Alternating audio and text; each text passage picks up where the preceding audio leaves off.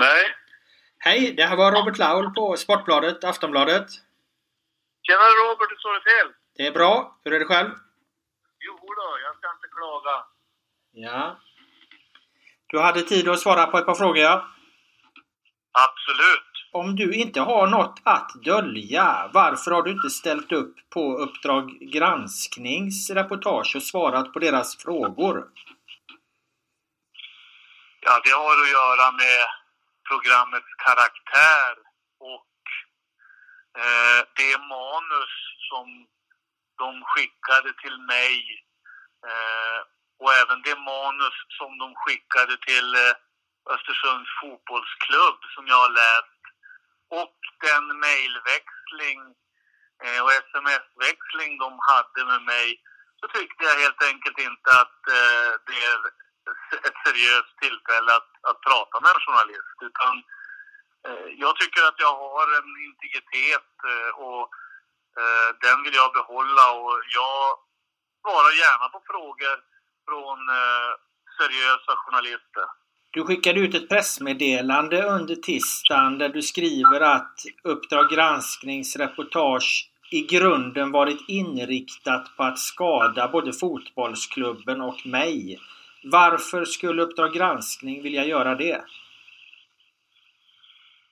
Ja, det ligger väl i sakens eh, natur av att det påstår och påståenden som de gör eh, och det de tror och tycker att de har, eh, har den karaktären så är det ganska så självklart att man starkt ifrågasätter syftet med ett sådant program. Men bara så jag förstår det då. Du tror på fullt allvar då att de är helt inriktade på att skada just dig och fotbollsklubben? Ja, jag tror eh, i inledningsskedet, som de också beskriver i programmet, att de har fått en väldig massa information ifrån eh, Östersund och Jämtland. Läs Östersundsposten och Linda Hedenjung. Jag tror att de i sin enfald tror på de uppgifterna och vill göra ett program som då framställer och som framstår så som det har gjorts idag.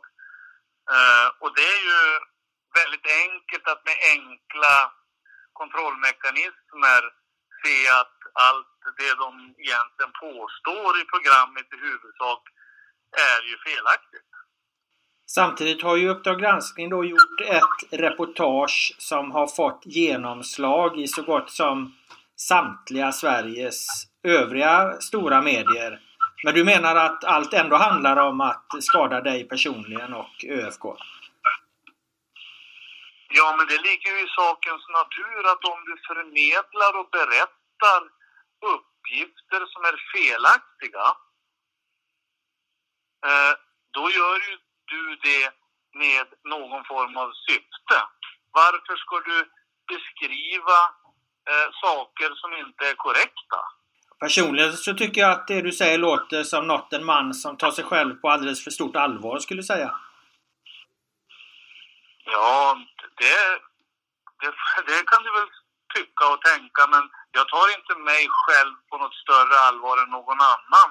Jag bara redovisar faktiska, påvisbara och kontrollerbara fakta i mitt pressmeddelande. Och det går ju knappast att säga emot. Så Det har ju ingenting att göra med hur mycket jag tar mig själv på allvar utan jag upplever att mitt pressmeddelande är väldigt eh, kliniskt, det är väldigt rakt och det är väldigt tydligt. så du har inte gjort något fel menar du? Ja, det är klart att jag inte har gjort något fel. Det är påvisbart att jag inte har gjort något fel i de här frågorna. Du har inte gjort något, du har inte gjort något fel i något av det som framkommer i Uppdrag granskning och den rapporteringen i övriga medier idag då? Absolut inte. Övriga medier idag har ju eh, tagit av nota det som Uppdrag granskning presenterar. Övriga medier, vad jag kan förstå, har inte gjort någon egen granskning och kontroll av de faktauppgifterna som Uppdrag granskning har gjort. Det är klart att jag inte har gjort något fel. Det framgår ju tydligt av mitt pressmeddelande vad som är fakta och det går ju att kontrollera. Varför skänkte du i egenskap av VD för Fältjägaren den här så kallade ölbaracken till eh, ÖFK 2012? Menar du modulrestaurangen Hörnsparken? Just det. Ja, därför att det var ett behov som Östersunds fotbollsklubb hade av att få säljdjytor och för att kunna på det viset eh, expandera sina möjligheter till intäkter.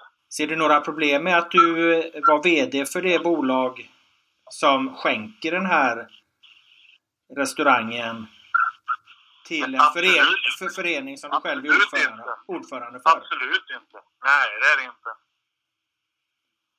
Hur, är det inte. hur delaktig var inga du? konstigheter, det är inga konstigheter heller att jag gör eh, investeringar i spelartruppen eh, i mina privata bolag fastän jag är ordförande i Östersunds fotbollsklubb. Det finns inga problem med det.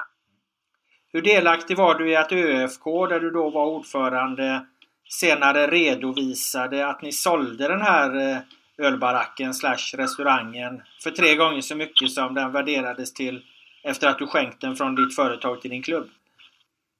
Ja, men det är en felaktig faktauppgift. Eh, därför att eh, eh, du mixar ihop äpplen och päron. Det finns två stycken av sig oberoende värderingsintyg för restaurangen. Det ena är på 3,1 miljoner och den andra är på 3,4 miljoner. De är gjorda av två oberoende auktoriserade värderingsmän. Vilka då? Eh, Det första är Svensk Fastighetsförmedling och den andra, om jag minns rätt, är Svefa i Sundsvall. Och de kan du få från Östersundshem. Eller från eh, Östersunds fotbollsklubb. De verifikaten. Det är alldeles tydligt. Det har aldrig funnits något värde.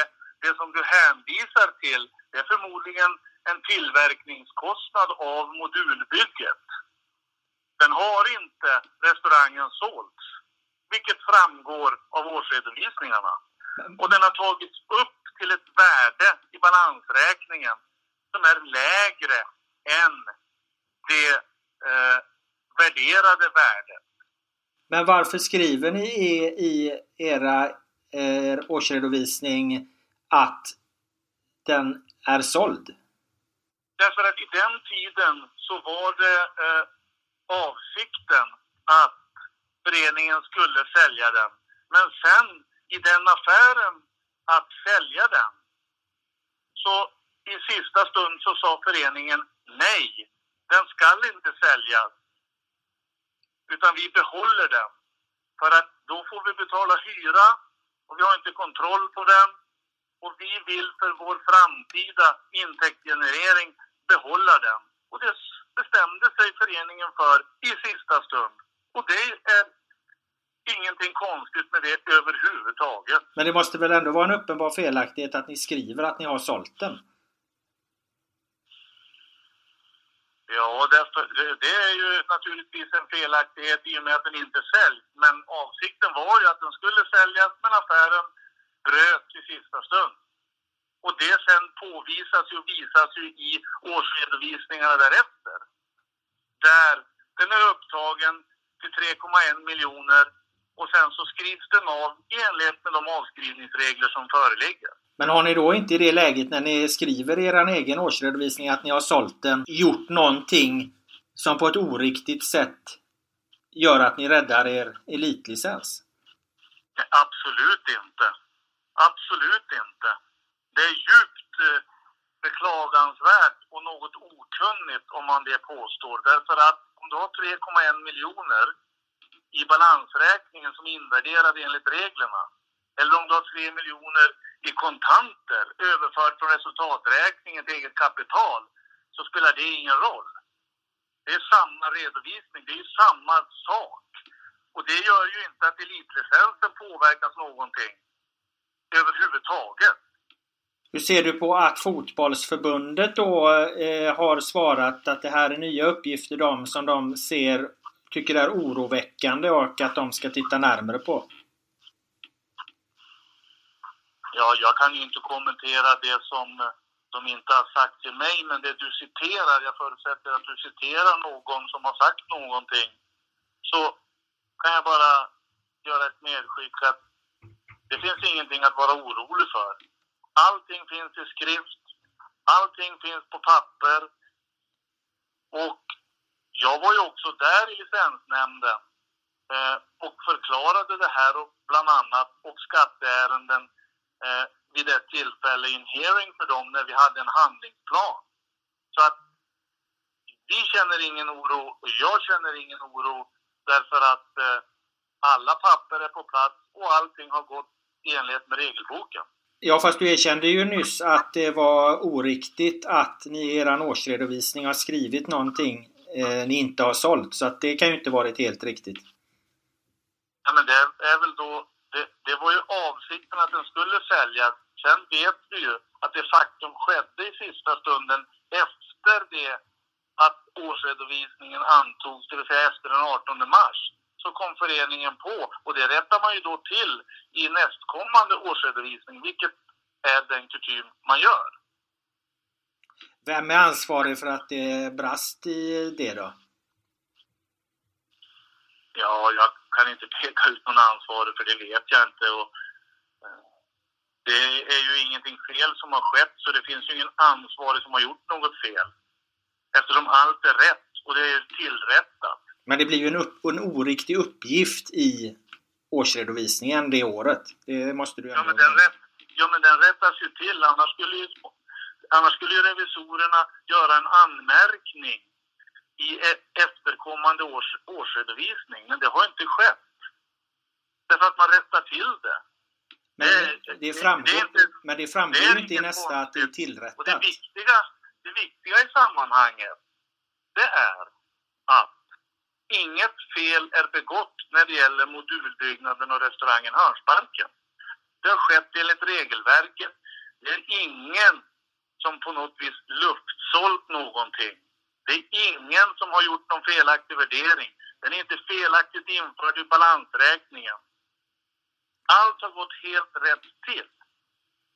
Men vad är skillnaden menar du ifall det här hade varit en luftfaktura så att säga Eh, där man ena året i årsredovisningen skriver att den är såld och i nästa årsredovisning bara tar upp den som en tillgång utan att nämna något mer om det. Vad är skillnaden? Men, det, men om den är såld, då tar du upp försäljningen. Försäljningen motsvarar ju då samma värde som du har i balansräkningen. Så det gör ju ingen skillnad. Nej men jag tänker på nästa års, nästa års årsredovisning. Så kommer den ju bara med som en tillgång. Det nämns ju ingenting om att den Och det inte... gjorde den ju innan då. Men det nämns ju ingenting om att den inte blir såld. Ni kommenterar ju inte på det på något sätt. Det kan ju låta som en efterhandskonstruktion nu när ni kommer och säger det då. Är du med?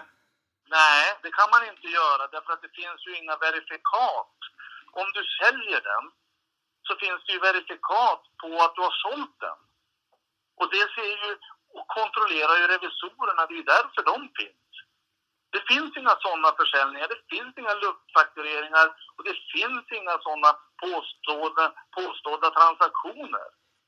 Det är helt enkelt felaktigt. Ja, jag hör vad du säger, men om ni i ena årsredovisningen skriver att ni har sålt den här grejen och sedan i nästa årsredovisning inte kommenterar att det blev visst ingen försäljning.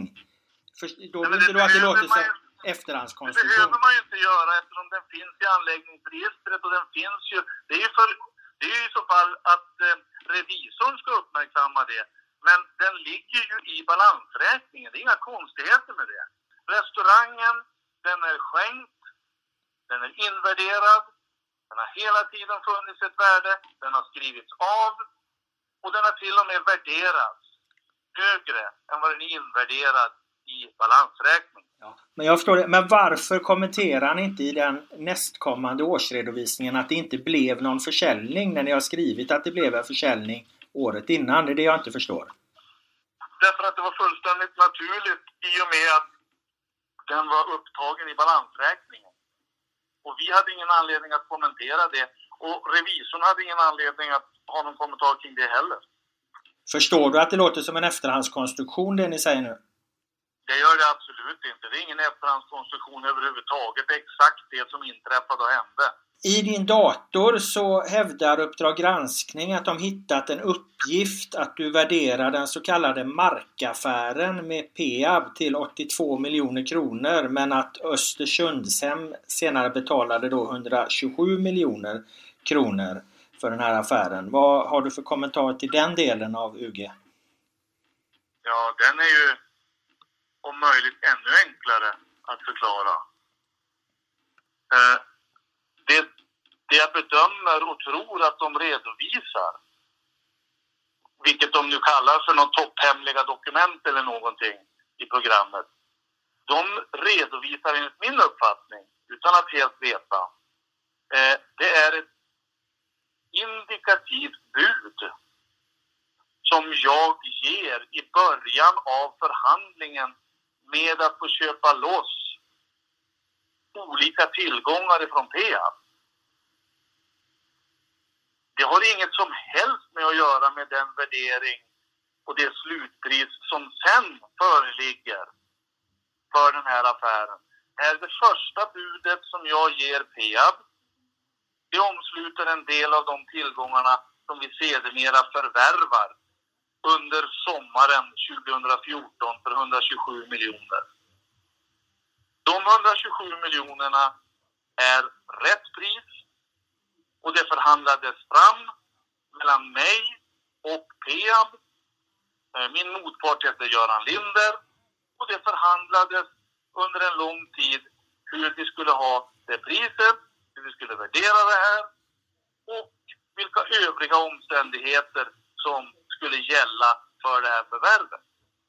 Därutöver så värderade vi i slutet på 2014-2015 de här tillgångarna i förvärvet.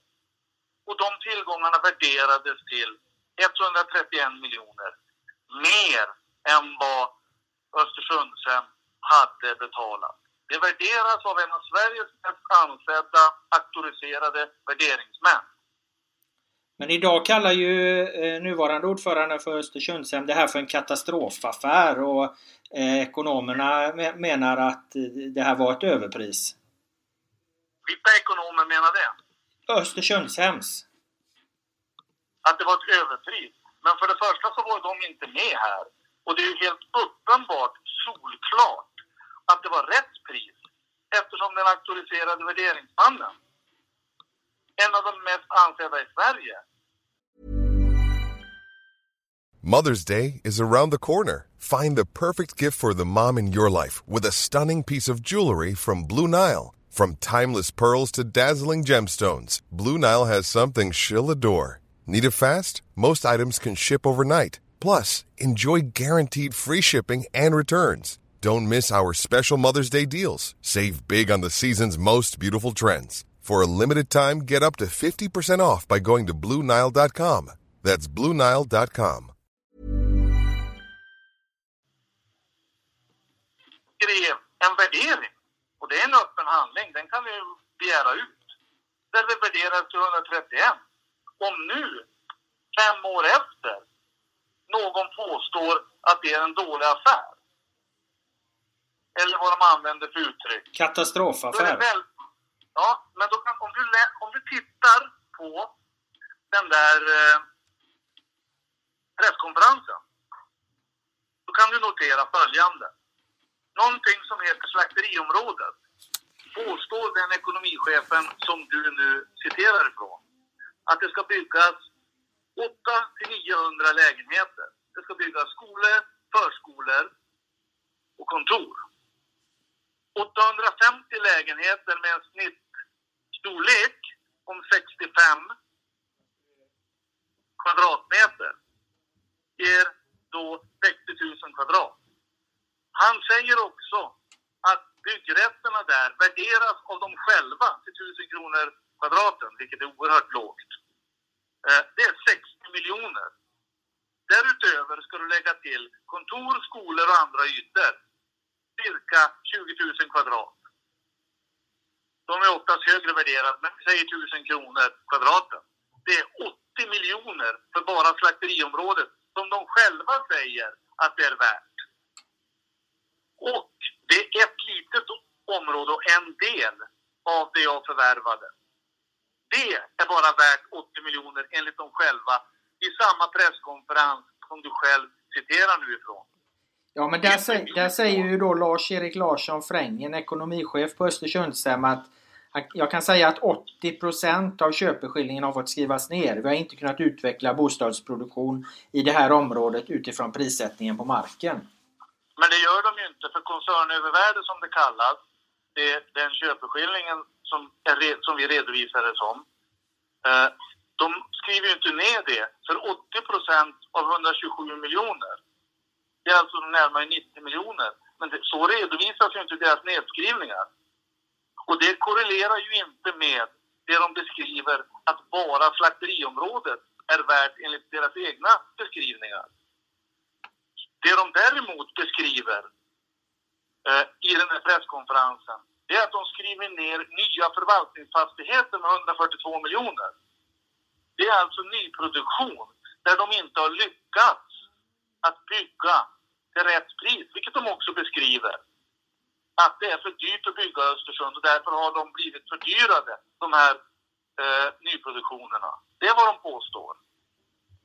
Men Bosse Men de har, inget belägg, de har inget belägg för att säga att markaffären var felbetald 2014. Därför att värderingen visar att den var helt rättsbetald. Och utan mark så skulle inte en enda kvadratmeter vara byggd. Och det är den bästa markaffär Östersundshem har gjort. Bosse Svensson, kommunalrådet, säger ju nu att kommunen vill ha tillbaka de här pengarna, alltså de 45 miljonerna mellan den här, eh, eh enligt UG då, din egna bedömning som fanns i din dator och vad Öster, Östersundshem sedan betalade. Hur ser du på det? Ja, det faller ju på sin egen rimlighet eftersom det, det budet det indikativa budet som var första budet i en förhandling är ju ingen värdering. Det budet gavs och sen hade vi en lång förhandling. Det slutade i att vi fick andra tillgångar med samt att vi betalade 127 miljoner. Fast det var värt 131 vid givet tillfälle. Om Bosse Svensson vill ha några pengar av Peab så är ju det upp till han. Det kan inte jag svara för, men det låter ju onekligen i sammanhanget ytterst märkligt. Och han har ju inte heller någon kunskap avseende den här affären. Peab och Östersundshem eh, kom ju här nu en nyhet på Östersundsposten då. De vill ha totalt 19 miljoner kronor i skadestånd av dig och personen som i media omskrivs som PA-mannen och personen som i media omskrivs som Sollefteå-företagaren. Hur ställer du dig till det skadeståndskravet? Ja, jag kan konstatera precis som jag har sagt hela tiden sen eh, åklagaren eh, ville ta det här till rättegång. Att den här rättegången handlar om arbetet är utfört eller inte. Åklagaren påstår att det är inget arbete utfört jag och vi påstår, vilket vi gör i inlaga, att arbetet är utfört. Och det påvisas även i tilläggsprotokoll 2 till förundersökningen som är en partsinlaga från åklagaren. Vi säger att vi ska påvisa, fastän det är han som har bevisbördan, att arbetet är utfört. Arbetet är utfört. Det vet alla som har varit på området och som är inblandade i de här frågorna. Och därför, och med anledning av det, så känner jag att jag kommer att bli frikänd. Du motsätter dig det här skadeståndskravet på 19 miljoner? Ja, men det blir i sakens natur sådant att om arbetena är utförda så har det inte skett någonting som åklagaren påstår är luftfakturering. Och då ska det inte utgå något skadestånd till någon. Därför att arbetena är utförda. Och det är ganska enkelt. Har du då medverkat till att skicka osanna fakturor eller till att osanna fakturor har skickats, så kallade luftfakturor, till den i media omnämnde Sollefteåföretagaren för att öka ÖFK-ägda Driftarens intäkter 2013? Ja, det kommenterar jag ju precis som jag har kommenterat hela tiden eftersom jag inte ska kommentera den kommande rättegången med annat än att alla arbeten är utförda. I såväl arbetena gjorda för FFAB eller för Peab eller åt Nordic Moving via driftar. Alla arbetena är utförda. Och det vet de inblandade. Har du då som Uppdrag granskning eh, beskriver det medverkat i ett brottsupplägg där Sollefteåföretagaren skickar en blufffaktura till Peab som godkänts av eh, den i media omnämnde Peab-mannen varpå denne fakturerar i sin tur då det kommunala bolaget Östersundshem som betalar räkningen till Peab och pengarna sen går vidare till Sollefteåföretagaren som sen sponsrar ÖFK. Ja, det är exakt samma kommentar som du fick på mig på de två tidigare frågeställningarna. Arbetena är utförda och i och med att arbetena är utförda så är det riktiga och korrekta fakturer som har skickats på utfört arbete. I ett polisförhör så erkände du ju bedrägeri i syfte att få medel till ÖFK rapporteras det ju i det här Uppdrag granskning-inslaget. Varför gjorde du det erkännandet? Ja, för det första, i juridisk mening så är det inget erkännande och det har jag också kommenterat tidigare att jag kommer inte att kommentera omständigheterna utan det kommer jag att beskriva i kommande rättegång. Varför tog du tillbaka erkännandet då? För det gjorde du ju sen. På samma sätt där, eh, därför att jag kommer att kommentera det i kommande rättegång. Men arbetena är utförda precis i enlighet med de fakturer som är utställda. Hur ser du på den ekonomiska brottslighet som du ska upp i rätten eh, anklagad för? Ja, jag ser på den precis som det jag har kommenterat. Eh, att arbetena är utförda så det kan inte föreligga någon ekonomisk brottslighet. Mot bakgrund av det som framkommer i Uppdrag granskning och misstankarna som finns mot dig som ska prövas i rätten. Anser du att Östersunds FK idag förtjänar sin allsvenska plats? Ja, självklart. Uppdrag granskning har ju inte presenterat någon som helst fakta i något, någon av de här delarna som för övrigt inte är kända eller som framgår i förundersökningen. Uppdrag granskning har ju inte tillfört någon ytterligare fakta utan bara eh, delgivit felaktig fakta i den här redovisningen som de gör. Och Östersunds fotbollsklubb är inte anklagade för någonting. Den resa som eh, Östersunds FK har gjort och där ni är idag då mitt i den största ekobrottshärva som en allsvensk klubb någonsin har befunnit sig i. Har det varit värt det tycker du?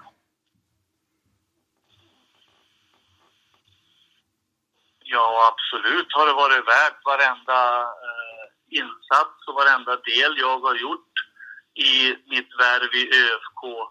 Eh, det är ju alldeles självklart att det är det. Och det grundas ju naturligtvis på att eh, eh det finns inget brottsligt eftersom arbetena är utförda. När Östersundsposten granskade eh, markaffären tillbaka i 2014 där så skrev du brev till ägaren om att de skulle offentligt be om ursäkt för sin rapportering. Tycker du med facit i hand att det är du som bör be reporten Linda Hedenjung om ursäkt idag? Absolut inte. Jag förväntar mig en ursäkt eh, av dem fortfarande därför att Eh, Eh, precis som jag påvisade i många av de insändarna som du refererar till, eh, så påvisar jag ju det orimliga i deras påståenden då, som jag gör nu och som har varit hela tiden. De gick fram med en anonym, icke-auktoriserad värderingsperson. Där de presenterade en anonym värdering som, som de la ut i tidningarna som låg kring 80-90 miljoner. Den är ju helt irrelevant och inte värd ett dugg.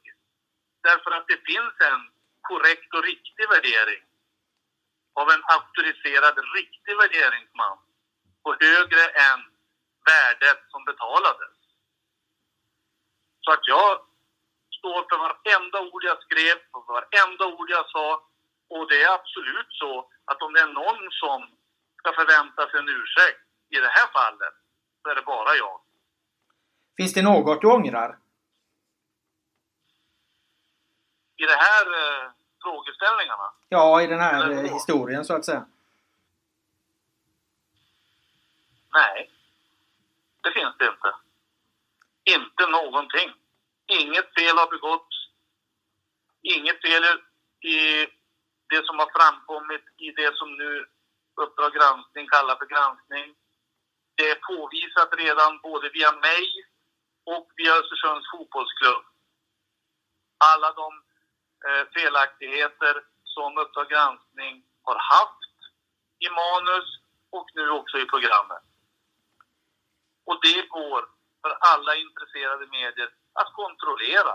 Vilken är din roll i ÖFK idag? Nej, jag har ingen roll i ÖFK annat än att jag stödjer huvudtränaren, spelare och ledare när de har funderingar och frågor. Du använder deras mail fortfarande? Vad sa du? Du använder deras mail fortfarande? Ja, det hoppas jag. Ja, men du har kvar mailadressen tänker jag. Så det var det jag menade, om du har någon roll i ÖFK idag? Ja, precis som den jag beskriver. Ibland så ringer de, ibland så skickar de mail. Det kan vara olika frågor. Jag är också tillgänglig om den operativa ledningen i Östersunds fotbollsklubb eh, vill fråga någonting. Ska man kalla det för ett bollplank? Det tror jag jag har läst någonstans att, att du, du kallar det. Ja, jag, jag vet inte vad man ska kalla det för. Om det är bollplank, jag är också far. Jag har ju två söner i klubben. Så att eh, jag är både far och eh, bollplank om man vill kalla det för det viset. Tycker du att det är lämpligt att vara bollplank med tanke på hur eh, situationen du befinner dig i? Ja, det tycker jag absolut att det är. Det är självklart att det är lämpligt. Och det har jag också kommunicerat ut när jag tog time-out i april. Så det är väl självklart att det är lämpligt. Hur ser du på din framtid? Ja, ja det var faktiskt... Det var en överraskande fråga. okay. ja, den var, den var lite överrumplande. Med all respekt så har jag inte funderat över min framtid så mycket utan jag håller på att förbereda mig tillsammans med, med duktiga människor för den rättegång som börjar här under våren. Eh, och jag ska ju klara av den och sen så får jag se vad, vad, som, vad jag ska göra. Jag har, jag har faktiskt inte reflekterat så mycket. Jag lever i dagen, försöker finnas till för mina, för mina barn, mina tre söner. Uh, och, och, det är det viktigaste för mig just nu. Och till sist då, hur ser du på ÖFKs framtid? Ja, den är ju väldigt ljus. Den är fantastisk. Vi klarade ju av, enligt mig då, men jag är ju partisk, vi klarade ju av eh, omställningen ifrån att tappa fem, sex väldigt inflytelserika, duktiga fotbollsspelare. Vi tappade vår huvudtränare och fyra stycken ledare. Vi klarade av under säsong att ersätta dem med ny manager, nya ledare, nya spelare. Jag tycker den prestationen är fantastisk. Och jag ser fram emot att, att följa Östersunds fotbollsklubb mot eh, att ta hem SM-guldet till Östersund och jämtarna. Är det något du vill tillägga som du tycker att du inte har fått sagt? Ja, det finns massor och åter massor med saker eh, att säga. Eh, men det viktigaste i de här frågeställningarna tycker jag, är att den kritiskt granskande journalistiken, journalistiken eh, också källgranskar och kritiskt granskar uppgifterna eh, inte bara blir partsinlaga åt någonting som uppenbart påvisas är felaktiga uppgifter.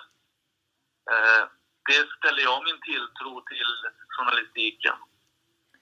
Då tackar jag för att du tog dig tid och svarade på alla frågor jag hade. Tack så hemskt mycket Robert. Ja, ha det så bra. Ha det bra själv. Tack, tack. tack hej. Hej, hej, hej.